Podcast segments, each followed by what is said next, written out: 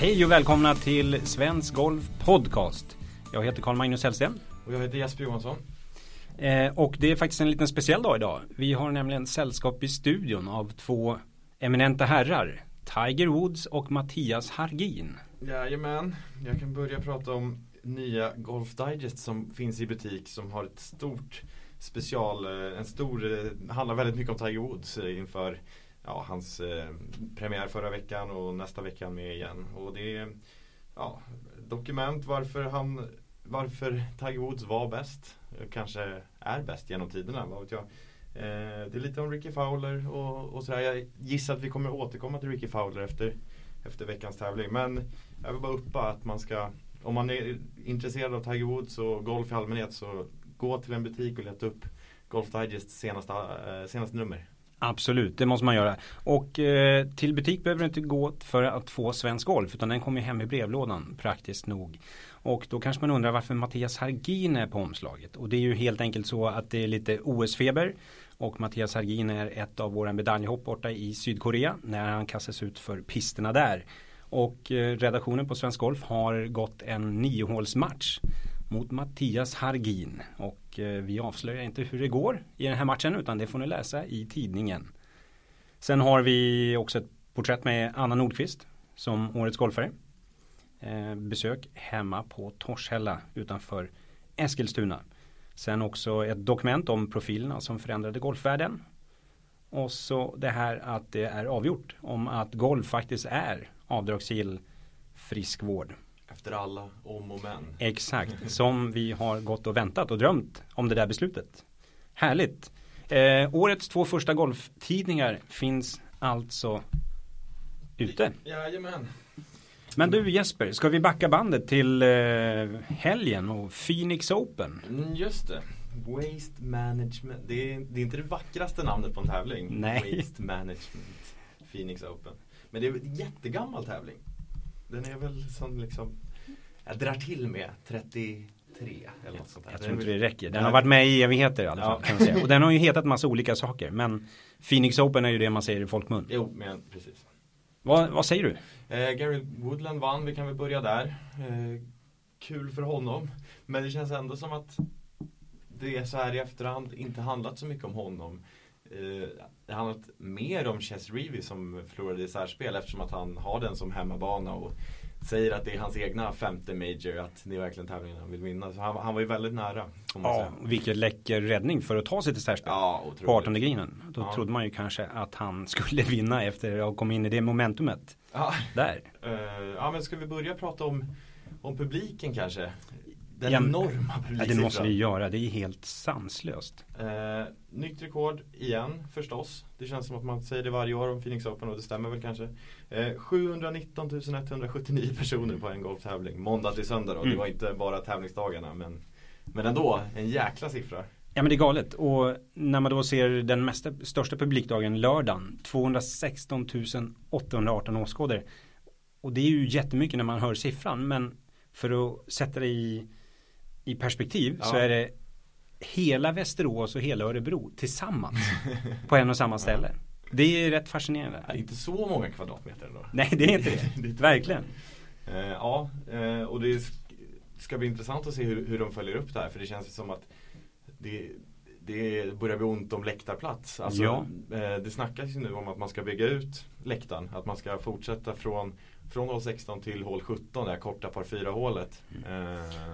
Eh, Och- som, och bygga liksom en läktare hela vägen eh, längst i hålet. Och det är ju jäkligt bra. Det är ett roligt hål, kort par 4 där jäkligt mycket kan hända. Liksom. Ja, verkligen. För det är lite grann att man glömmer bort hål 17 för att det är så mycket fokus på det här arenahålet. Ja, Ja, korthålet. ja, och par ärlighetens 16. namn, det är Eller inte- 16. Eh, Hål 16 är ju inte det, är inte det mest fascinerande, fascinerande golfhålet. Alltså, Nej, ju det är ju själva inramningen och hela och konceptet. Ja, Ja, det är det som gör det spännande. Och det som är häftigt med hål 17 är ju att vi fick ju nästan se ett hole one där. Ja, jäkligt mäktigt. Robert Garrigus var svindlande nära på 17 hålet och sätta det första hiot på par 4 på PJ Tour sedan 2001. Ja. 17 år sedan som Andrew McGee hittade rätt. Har du hittat rätt på ett par fyra hål sen? Nej, det har jag inte gjort. Par trea. Jag får räcka med, med ett, ett hio på en par trea. Ja, nej, det får...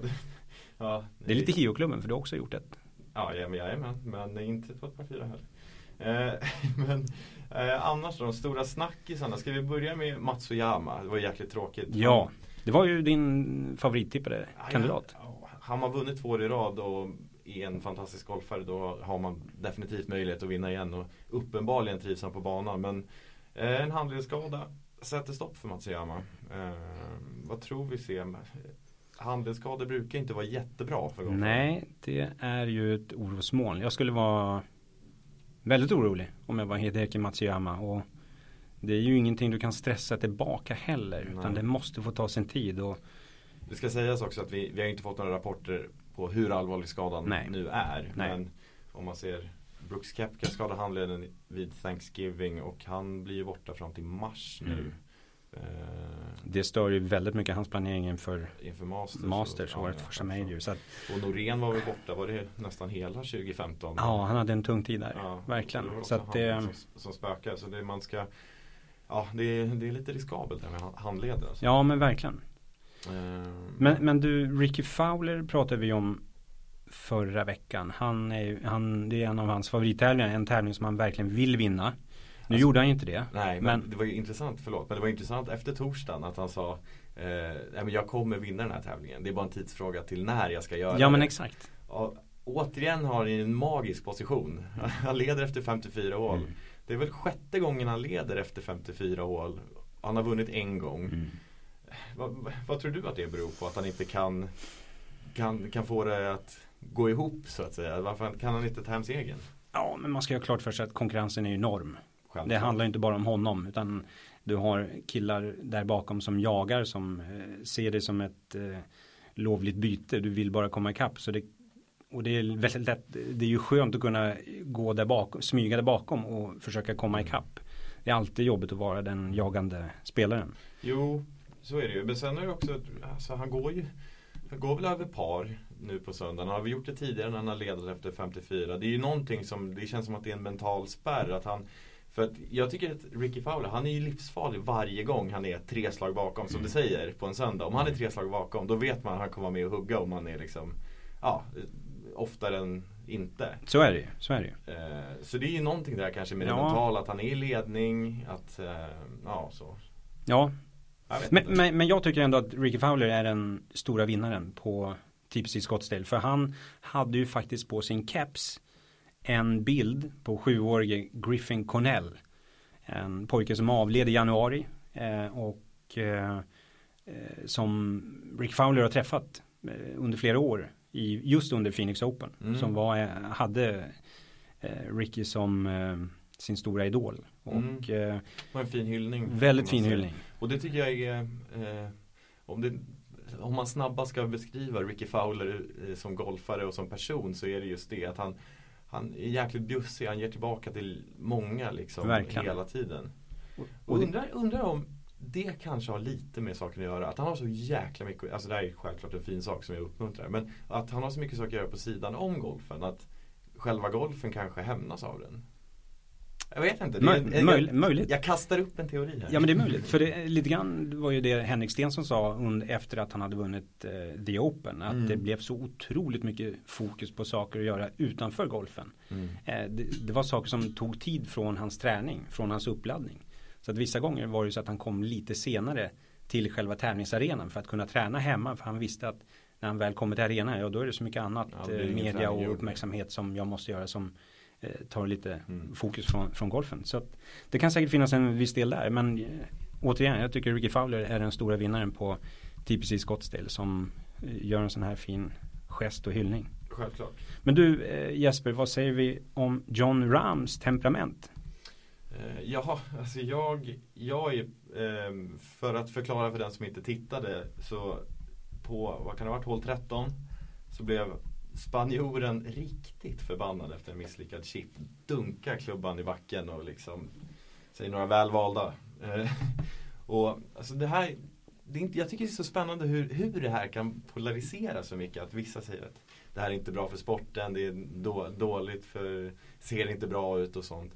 Men alltså jag, jag, jag tycker precis tvärtom. Jag tycker golfen behöver Känslor. Vi behöver 156 John Ram ute på golfbanan. Så att, alltså, liksom roboten som träffar fairway och träffar green och en eller två puttar varje gång. Ja visst det är imponerande men jag vill ju se lite känslor, att det betyder någonting. Ehm, jag tycker bara att det är bra. jag ser liksom inte det riktigt det dåliga i det. Det, det, det är liksom, ja, fan sporten utvecklas. Se hål 16. Hur mycket det utvecklats och hur, vad man säger om det.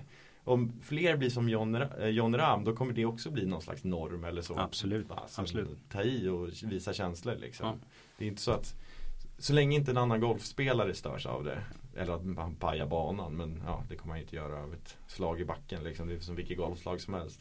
Men så länge han inte förstör för någon annan utan bara visar känslor och tar ut det på sig själv så att säga. Då, ja, all for it. Fortsätt John. Jag grävde faktiskt lite grann i arkivet på svenskgolf.se och hittade en eh, gammal intervju jag gjorde med Torsten Hansson, Henrik Stensons mentala coach mm. för ett par år sedan. Och då var, var det efter att Henrik hade slagit sönder driven ute på banan och eh, ett skåp i ett omklädningsrum. Och eh, då eh, fick Torsten då frågan hur han såg på det där. Och han, han sa så här att han tyckte det var ett sundhetstecken. Att det här aggressiva beteendet har, att Henriks aggressiva beteende hade förbättrats till 75 procent. Men den resterande delen ville Torsten inte ändra på. Den skulle vara kvar. För Torsten Hansson menade det att en individ som inte bryr sig om vad som händer kommer inte att nå några framgångar. Och det här sa Torsten då, det hade han sett han hade aldrig sett en person på en hög nivå oavsett om det var artister, företagsledare, politiker eller idrottsmän som inte blir frustrerade och irriterade mm. när det inte går som de vill. Och Torsten Hansson menar på att det här är helt naturligt. Mm. Ja, så, så um, alltså jag tycker han har en poäng men samtidigt ska du se då till, till världsettan. Dustin mm. Johnson, han, har väl, han har väl aldrig gjort någon min åt något håll, varken varit glad eller ledsen åt någonting. Han är bara trumma vidare liksom. Så att... Och han har ju verkligen haft anledning att visa känslor ja, efter sina debacle på banan under PGA Championship och US Open på Chambers Bay och, ja, ja, och sådär. Han... Nej, så att, eh, ja, jag vet inte. Det är kanske är det som har gjort att han, han är liksom han är Det är kanske därför han är världsetta. Ja, kanske. Han är, han, ja, ja, men härligt. Men du Jesper, vi förflyttar oss från Arizonas öknen till eh, Australien. Oats Vic Open. Oats Vic Open eh, utanför Melbourne. Eh, där Julia Engström, 16-åringen från Halmstad som kvalade in till Ladies European Tour i höstas. Gjorde sin proffsdebut. Delad nia efter rond 1. Hon klarade den första kvalgränsen. Men inte den andra på lördagen. Men hon slutade delad 37 och fick en eh, första check på drygt 21 000 kronor. Vad säger du? Eh, ja, först och främst otroligt imponerande. Ehm, jag, jag pratade faktiskt med Julia Engström och eh, hon berättade lite om första tävlingen och eh, tävlingen som kommer. Så jag tänker, ja, men vi kan lyssna på det nu. Det tycker jag är en alldeles utmärkt idé. Mm, eh, men det var första tävlingen för året eh, som eh, var en tävling med LET tillsammans med ALPG.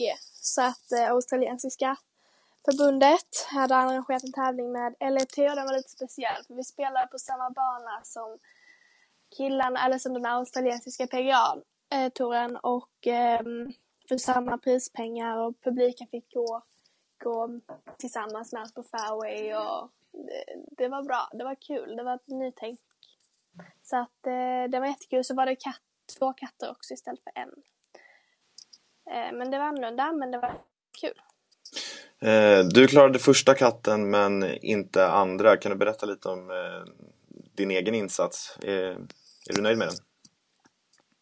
Mm, ja, men ja, det är jag ändå. Ehm, jag spelade bra första dagen och sen andra dagen ehm, så gjorde jag några onödiga misstag som kostade lite för mycket. Ehm, och sen så spelade jag väldigt bra med tanke på, uh, vad heter det, alltså det blåste väldigt, väldigt mycket.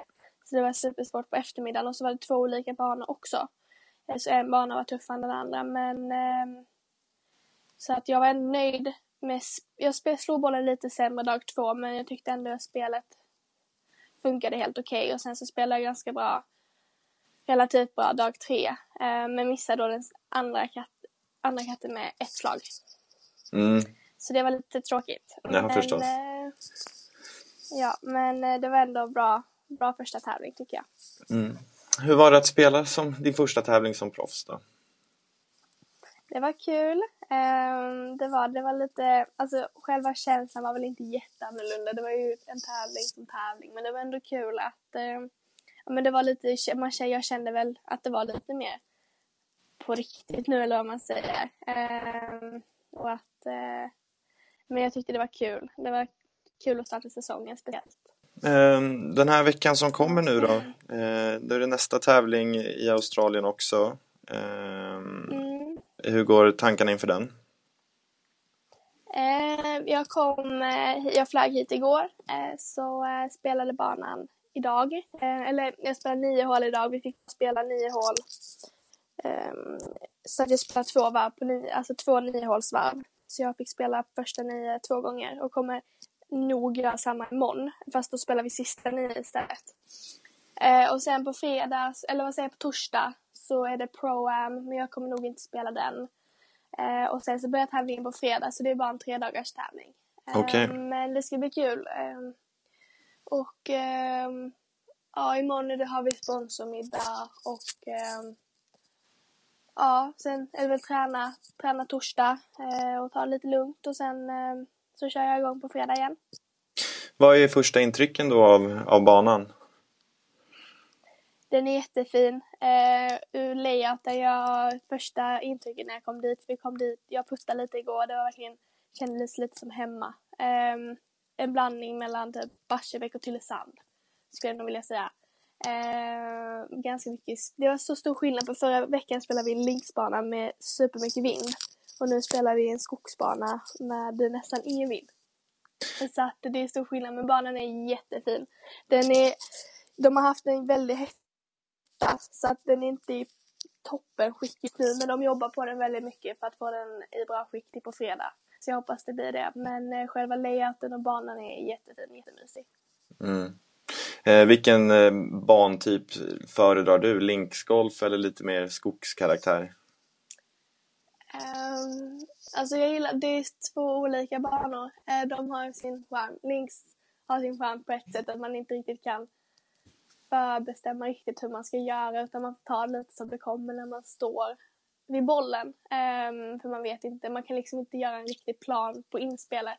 För det kan hända, vinden kan vända, det kan studsa, allting kan bli så mycket annorlunda på links. Men på skogsgolf eller så här, i, i parkbanor och sånt eller i skogen så är det mer liksom att du lägger upp din strategi och ja, men jag gillar båda men jag föredrar nog skog. Vad har du för, eh, för målsättningar för veckan då? Um, det är väl att um, fortsätta känna att jag ska komma till rätta här på den här touren. Det är en ny, ny nivå uh, och nytt steg i um, satsningen. Men sen vill jag ju såklart spela alla varv och eh, ja, men ändå vara, känna att jag, känna att jag hör hemma här och spela lite, spela lite om det. Ja, det där var alltså Julia Engström som berättade om sin upplevelse från proffsdebuten. Eh, och ni som reagerade på att Julia Engström inte fanns med på världsrankingen i måndags. Ja, ni funderar alldeles rätt. För det är nämligen så här att Julia Engström eh, har i, enligt Rolex Rankings Hon borde ju ha en ranking. Hon borde ha en ranking. Men Rolex Rankings säger det att eftersom Julia inte har klarat en officiell katt hon Nej. klarade inte den sista katten. Som hon, hade hon klarat katten på lördagen. De hade ju två kvalgränser där. Hade hon klarat katten på lördagen så hade hon fått rankingpoäng och då hade hon funnits med på listan. Mm. Ska vi prata om varför hon inte klarade katten på lördagen? Det var ju för att var ett mindre startfält. Exakt. För att banan var upptagen av andra golfare. För det var ju nämligen så att Oats Wick Open eh, delar på prispengarna mellan eh, herrarna och damerna ja. eh, lika. Det här är ett helt unikt upplägg. Ja. Eh, för det är herrar och damer som spelar samma tävling. Tävlingen heter Oatswick Open för herrar och damer. De spelar på samma, samma anläggning, 36 håls anläggning. Och de spelar i bollarna efter varandra. Damernas, så på söndagen kom damernas ledarboll och herrarnas ledarboll in efter varandra. Mm. Och jag säger så här, min första känsla. Tänk om Nordea Masters kunde finnas för både dam och herr. Ja eh, säg att du spelar på Brohof eller PGA National. Och så rond 1 och rond 2 så går Anna Nordqvist, Madeleine Sagström, Pernilla Lindberg i bollen i anslutning, före eller efter Henrik Stensson, Alex Norén och Alexander Björk. Wow, mm. vilken grej. Ja, det är otroligt. Och vilken eh, stor publik det skulle locka. Enorm men, publik. Ja, men det är väl att det kräver, det kräver 36 hål och det kräver liksom väldig koordina koordination för att få det att fungera antar jag. Ja det gör det absolut, men kan man göra det i Australien så kan man göra det i Sverige. Nej. Nej. jo. jo, det kan man göra. Och sen tror jag också att de svenska spelarna är ju väldigt eh, måna om att komma hem och mm. spela sin nationella tävling. Så jag tror inte att du behöver liksom höja prissumman galet mycket för att liksom locka hem de största svenska spelarna. Och skulle man dessutom hitta ett sånt här koncept och göra Nordea ja, Masters för dem och här. goodwill till spelarna. Ja, mm. fantastiskt. Men och det är väl då kanske att internationella, framförallt herrar då, som kanske eh, tittar åt annat håll när prissumman minskar eller, eller så. Ja, finns det en risk tror du? Det finns säkert en risk. Eh, spelare som hellre åker någon annanstans för att det är mer pengar där. Men jag tror så här att det är viktigare att få de största svenska namnen hem till sitt nationella mästerskap än ett stort utländskt namn. För att publiken vill se sina hemmahjältar mm. spela. Mm, mm, mm, och tänk bara vilka, vilka, vilka PR-jippon du skulle kunna ha i centrala Stockholm eller Malmö inför tävlingen om Stensson och Nordqvist utmanade varandra i lite eh, roliga evenemang ja, inne i stan. Så jag, jag, jag, skulle vilja se ett Nordea Masters för herr och dam. För vi har ju trots allt inte haft en LT-tävling i Sverige sedan 2015 när mm, Helsingborg Open lades ner. Så att eh, Nej, ja. det är ju ett tag sedan, det är dags att, att, fixa en sån. Ja men verkligen. Ja. Så Nej, ett men... Oatsvik Open till Sverige. Ja. Gärna. Ja, vi, vi puffar upp för det. Ska, säga, ska vi säga också att eh, det var Göran Söderqvist som kom, gav oss informationen och att eh, ja, precis. Julie Engströms eh, ranking får, får vänta. Förhoppningsvis till nästa vecka då eftersom hon förhoppningsvis klarar katten. det får vi hålla tummarna för. Veckan. Och tack Göran för informationen. Ja, tack så jättemycket. Ska Men, vi gå vidare då? Ja. Just nu på svenskgolf.se så har vi en omröstning där vi undrar vad, eh, vad våra läsare tycker att touren ska göra för att göra rondtiderna kortare. Eh, det här blev väldigt aktuellt när JB Holmes eh, tog 4 minuter och 10 sekunder på sig som vi pratade om för, i förra avsnittet. Eh, på 18, 72 hålet i eh, Farmers Insurance. Eh, Open. Open. På Torrey Pines. Ja precis och um, ja, det här fick oss och klubbhuset att göra en gemensam omröstning. Ja men precis, för i nästa avsnitt av klubbhuset så kommer man att eh, diskutera just långsamt spel på touren och eh, eh, Därför arrangerar vi då den här omröstningen där du som läsare kan vara med och rösta fram det bästa sättet för att få bukt med det långsamma spelet på touren. Och du har fyra alternativ att välja mellan. Det är slagklocka med bestraffningssystem, eller att proffsen åker golfbil. Eller att eh, de får använda laserkikare för att ta ut avstånden. Eller om du vill se snällare banor och då menar vi kortare ruff, bredare fairways, långsamma griner etc. Så gå gärna in och eh, påverka det här nu. Gå in och rösta, tyck till eh, och lägg din röst. Eh, för det här kommer Resultatet kommer att presenteras på sajten och i klubbhuset där man tar diskussionen vidare. Så var med och påverka. Ja, du själv, av de fyra alternativen, vad, vad, vilket säger du är mest, mest rimligt? Jag fastnade verkligen för slagklockan. Det gjorde jag när jag såg Golf Sixes på Europatouren förra året. Och det är så tydligt och det, du, du kan liksom inte undgå. Jo, det kan du faktiskt. För han Paul Peterson, han stod där och väntade och planerade sitt slag och sen eh, ser man eh, slagklockan i bakgrunden som tickar ner och liksom, ah, han bränner tiden. Ja. Och det innebar att han fick Pliktslag. Ja. Eh. Alltså, jag tycker det, det är ett bra alternativ för att det skapar ytterligare en dimension. Att man får eh, inte bara dramatiken på golfbanan utan också ska han hinna i tid. Exakt. Eh, men sen, ja, jag tycker också, fasen, det, det är skillnad på golftävling och golftävling. Att se det här i en stor major eller, eller så. Ah, jag, jag vet inte tusan alltså. Det är, men är det inte ännu viktigare i en major? Ah. Ja, men annars kan du hamna då i JB Holmes situationen att eh, Alex Norén har ett inspel för att liksom kanske gå till sär, särspel eh, för att vinna en major. Och ja. så JB Holmes, han är borta från diskussionen. Men han står i fyra minuter och tio sekunder. Mm. Vill vi ha det så? Nej, ja. Men jag tycker att då kanske man kan titta på ett annat alternativ. Och säga laserkikare. Jag vet inte hur mycket man skulle kapa på det. De är ju rätt snabba på att räkna som det är.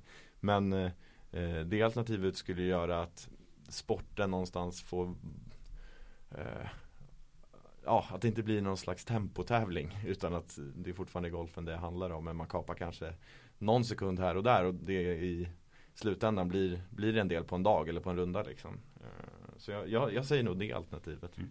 I alla fall kan vi säga det att Australian Open har aldrig varit så intressant som just i år. Nej, det ska bli riktigt spännande. För där kommer de ju införa slagklocka i hela tävlingen. Ja. Det är rätt häftigt. Du kommer alltså ha en domare som följer med varje grupp och klockar spelarna. Mm. Eh, första förseelsen renderar ett gult kort. Men efter varningen pliktar spelaren med ett slag varje gång som han överträder 40 sekunders regeln. Och det här är alltså veckan före US Open. Ja. Det blir eh, spännande att följa.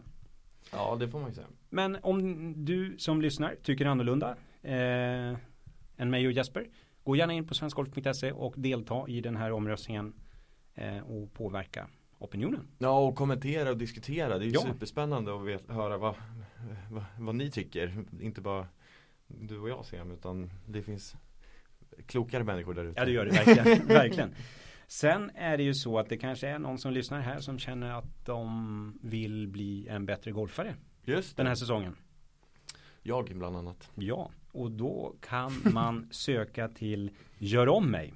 Jajamän. Svensk Golfs succékoncept där man får en personlig tränare, eh, en av golfskolans instruktörer som guidar dig fram och ser till att du blir en bättre golfare. Ja, du får också eh, utrustning som är anpassat efter dig. Eh, något som däremot är omgjort i år, det är att det inte är ett handikapp som man ska ner till. Nej, Utan vi har tre kategorier eh, som är att man ska förbättra närspelet. Man ska det är en, eh, en person vi söker som vill förbättra närspelet. Vi söker en person som vill slå längre. Som 10 meter längre till och med. 10 minst 10 meter längre. Ja, det är ju vansinnigt mycket. Och sen så en som vill sluta slicea.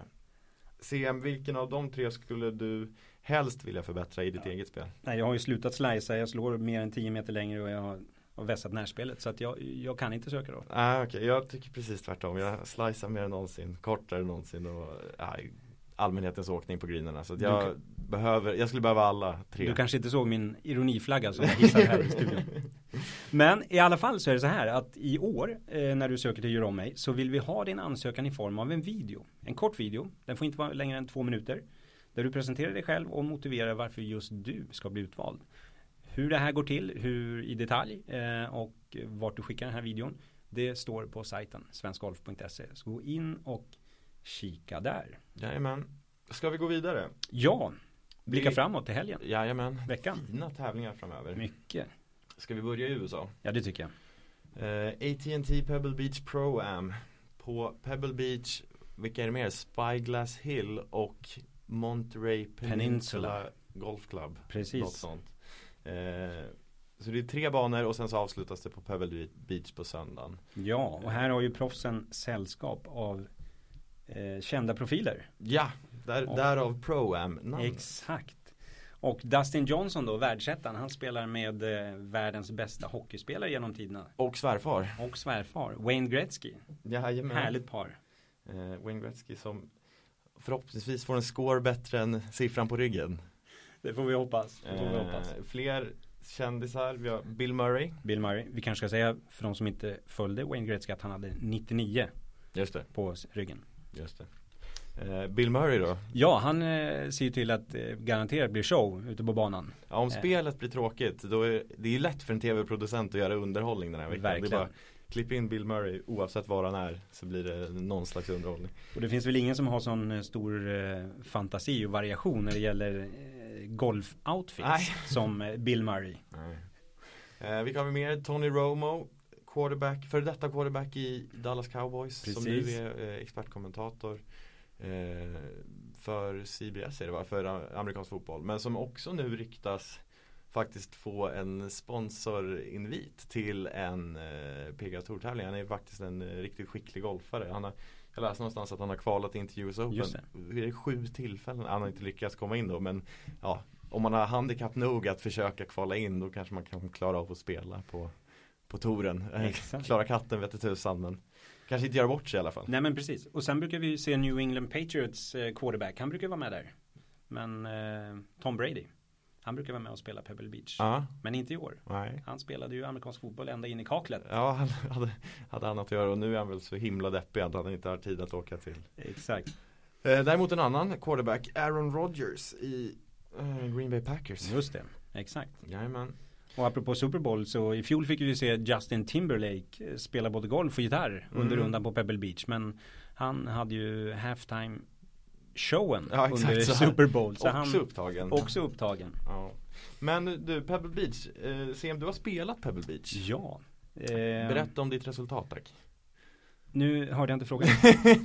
Nej, jag... Nej, ehm, jag kan ju säga det att jag spelade där. Eh, jag spelade förmodligen mitt livs sämsta golf. Men efter att jag hade slagit 32 slag på två hål eller något sånt där så insåg jag det, okej. Skippa skåren och frustrationen över att du spelar så dåligt. Gå och njut av omgivningen istället. Och, så då gjorde jag det. Med tanke Eh, på prissumman så är det väl klokt precis. att försöka fokusera på annat då än att gå runt och jag menar vara. John Rahm i 16 år. Jag betalade alltså 495 dollar i green fee. Och eh, då ingick inte ens banguiden. Så att eh, det kostar ju. Men jag säger det. Det är definitivt värt att göra det en gång i livet. För det är en fantastisk upplevelse. Ja, men det kan jag verkligen tänka mig. För det kommer vi också få se mycket av i helgen. Fantastiska bilder. Verkligen. Är det världens, förra veckan så undrar jag om Torrey Pines var världens bästa bana som man kan spela för, vad sa jag, under tusingen. Är det här världens bästa bana, Du kan spela för under 500 dollar. ja, så, utseendemässigt? Alltså den, Ja, absolut. De säger ju, det finns ju någon som har myntat uttrycket att det här är Pebble Beach, det är världens vackraste plats där himmel och hav möts. Och det kan jag bara skriva under på. poetiskt. Ja. Eh, jag kan också tipsa om serien Big Little Lies som utspelar sig i det här området. Ja. Och för de som har sett den serien men inte tävlingen så, ja, tänker den serien fast live. Och det är Stellan Skarsgård som är Ja, han är inte så trevlig. Nej, inte Stellan Skarsgård. Nej, Alexander. Vänta, sonen. Alexander, förlåt. En av sönerna. Exakt. Som Eh. är huvudrollsinnehavare. va? Ja, lish. Eh, biroll kanske. Men eh, i tävlingen så har vi en svensk, Jonas Blixt. Eh, Karl Pettersson är reserv. Och jag tror han var sjunde reserv. Så att jag, jag tror inte vi kommer få se honom spela. Men Jonas Blixt är i alla fall med. Eh, Jordan Spieth är regerande. CM, vad tror du? Har han en chans att eh, försvara titeln? Ja men det är klart han har. Kommer han till start så kan han ju vinna. Men eh, jag sätter en slant på Phil Mickelson. Det är inte bara för att jag är vänsterspelare eh, utan för att han faktiskt var med i toppen i Phoenix. Och dessutom trivs han ju alldeles förträffligt på Pebble Beach. Han har fyra segrar. Den senaste 2012 var ju tvåa 2016. Eh, så att eh, är det någonstans Phil Mickelson ska bryta sin svit Ja, men det är galet att han inte har vunnit sedan The Open 2013. Nej, det är dags nu. Ja, det är dags nu. Så är det någonstans han ska bryta den här eh, negativa trenden så är det på Pebble Beach. Så att eh, ja, Dina- slänger en krona på, in en krona på Phil Mickelson. Ja, han visar lite form faktiskt också i Phoenix. så Det gjorde han. Det är inte omöjligt. Om jag, om jag ska tippa någon så säger jag eh, ah, det, Alltså Dustin Johnson är med och då är det dumt att inte tippa honom här nu. Men jag säger Jag säger Paul Casey säger jag. Okej, då säger jag så här. Paul Casey, du kommer att kunna vänta dig en handledsskada efter den här veckan. För förra veckan tippade Jesper Matsuyama. Hideki Matsuyama Ja, som segrare och han slutade, han bröt tävlingen med en handledsskada. Nej, vi hoppas att det inte ska gå så illa. Nej. Det vore jättekul om Casey kunde greja det här. Jajamän. Eh, Ja, och så har vi eh, Australien som är destination för både ET och LET. Jajamän, vi hörde Julia Engström tidigare berätta att hon eh, trivs bättre på skogsbanor som det är nu i helgen och att det är eh, en 54-årstävling som hon, vi hoppas att hon klarar en katt här nu så vi får se en världsranking på Julia Engström att hon att hon tar vidare den här proffs, proffskarriären att ah, kan, vi, kan vi få se en svensk seger? Ja, men det vore ju fantastiskt. Hur hade inte det smakat? Ja, men vi hade ju Hedvall och Lindberg som var med och jagade. Absolut, Senast. absolut. Och Jenny Haglund som inte var långt efter heller. Så att eh, det kan det definitivt bli. Och sen på här sidan ET, de är ju i Perth, västra sidan av Australien. Där man spelar ESPS Honda World Super 6 Perth. Säg det sex gånger snabbt. Jag gör det, eh, den som kan. Och det är alltså tre runder vanligt eh, spel. Och sen sista rundan på söndag, då har de bästa kvalat in till ett matchspelsevent. Det är lite grann som det här Golf Sixes. Golf Sixes inspirerat. Mm. Så det ska bli kul att se det. Kul när, man, när tävlingar tänker Tänker Nytt. nytt. Ja, Ja, utvecklar alltså, konceptet. Det är ju Keith Pelly som är hjärnan bakom det här. Och, alltså jag beundrar honom för att han gör en tävling ja, i mitt, början av februari i Australien. Han gör ju att den blir intressant nu. Att det blir någonting, när, ja, redan förra året var det väl intressant. Men att eh, hade det varit en dussintävling så hade jag inte varit lika intresserad av att titta på det. Men nu är det ju spännande och ja. det kommer 100% vara dramatik på söndagen på grund av det här matchformatet. Eh, så att, eh, stor applåd till Keith Pelly för att göra eh, våga göra någonting annorlunda i en sport som ja, jag tycker lite för ofta kanske går i gamla, gamla hjulspår. Eller vad säger du Sten? Ja men verkligen, jag, jag håller helt med dig. Eh, det är kul att han har kommit in som en frisk fläkt. Ja. Och vågat skaka om den här stora organisationen och tänka nya banor. Helt rätt. Och vi har ju faktiskt eh, svensk, vi får, fem svenskar som finns med i eh, Perth. Jens Dantorp, Pontus Widegren, Kristoffer Blomstrand, Jens Farbring och Johan Edfors. Och vi håller förstås tummarna att någon av de här eh, finns med på söndag. När ska avslutas. Eh, ska vi börja runda av lite sen? Ja men det tycker jag vi gör. Eh, först och främst vill jag säga tack till alla fina ord vi fick för förra veckans avsnitt. Och fortsätt att mejla oss på eh, eh och även i sociala medier där vi heter Golfredaktionen och på Facebook finns vi också förstås. Eh, och kommentera och hjälpa oss att bli bättre eh, så ska vi se till att det här blir en riktigt, riktigt bra produkt till slut. Och att, att, att ni vill fortsätta lyssna. så vi uppskattar verkligen all, alla ord. Bra som dåligt, allt är bra. Ja, det gör vi verkligen. Vi uppskattar verkligen ert eh, lyssnande. Att ni finns, finns här ja. och lyssnar. Sen kan vi också bara flagga lite grann för nästa vecka. Eh, vår kollega Oskar Åsgård, chefredaktör på Svensk Golf, befinner sig just nu i eh, Florida och träffar våra allra största svenska golfare. På både här och damsidan. Och eh, några av de här kommer ni säkerligen att få höra i nästa veckas avsnitt. Jajamän, nu säger vi inget mer. Nej, så en liten cliffhanger, en liten cliffhanger avslutar vi med. Tack för den här veckan. Tack, tack.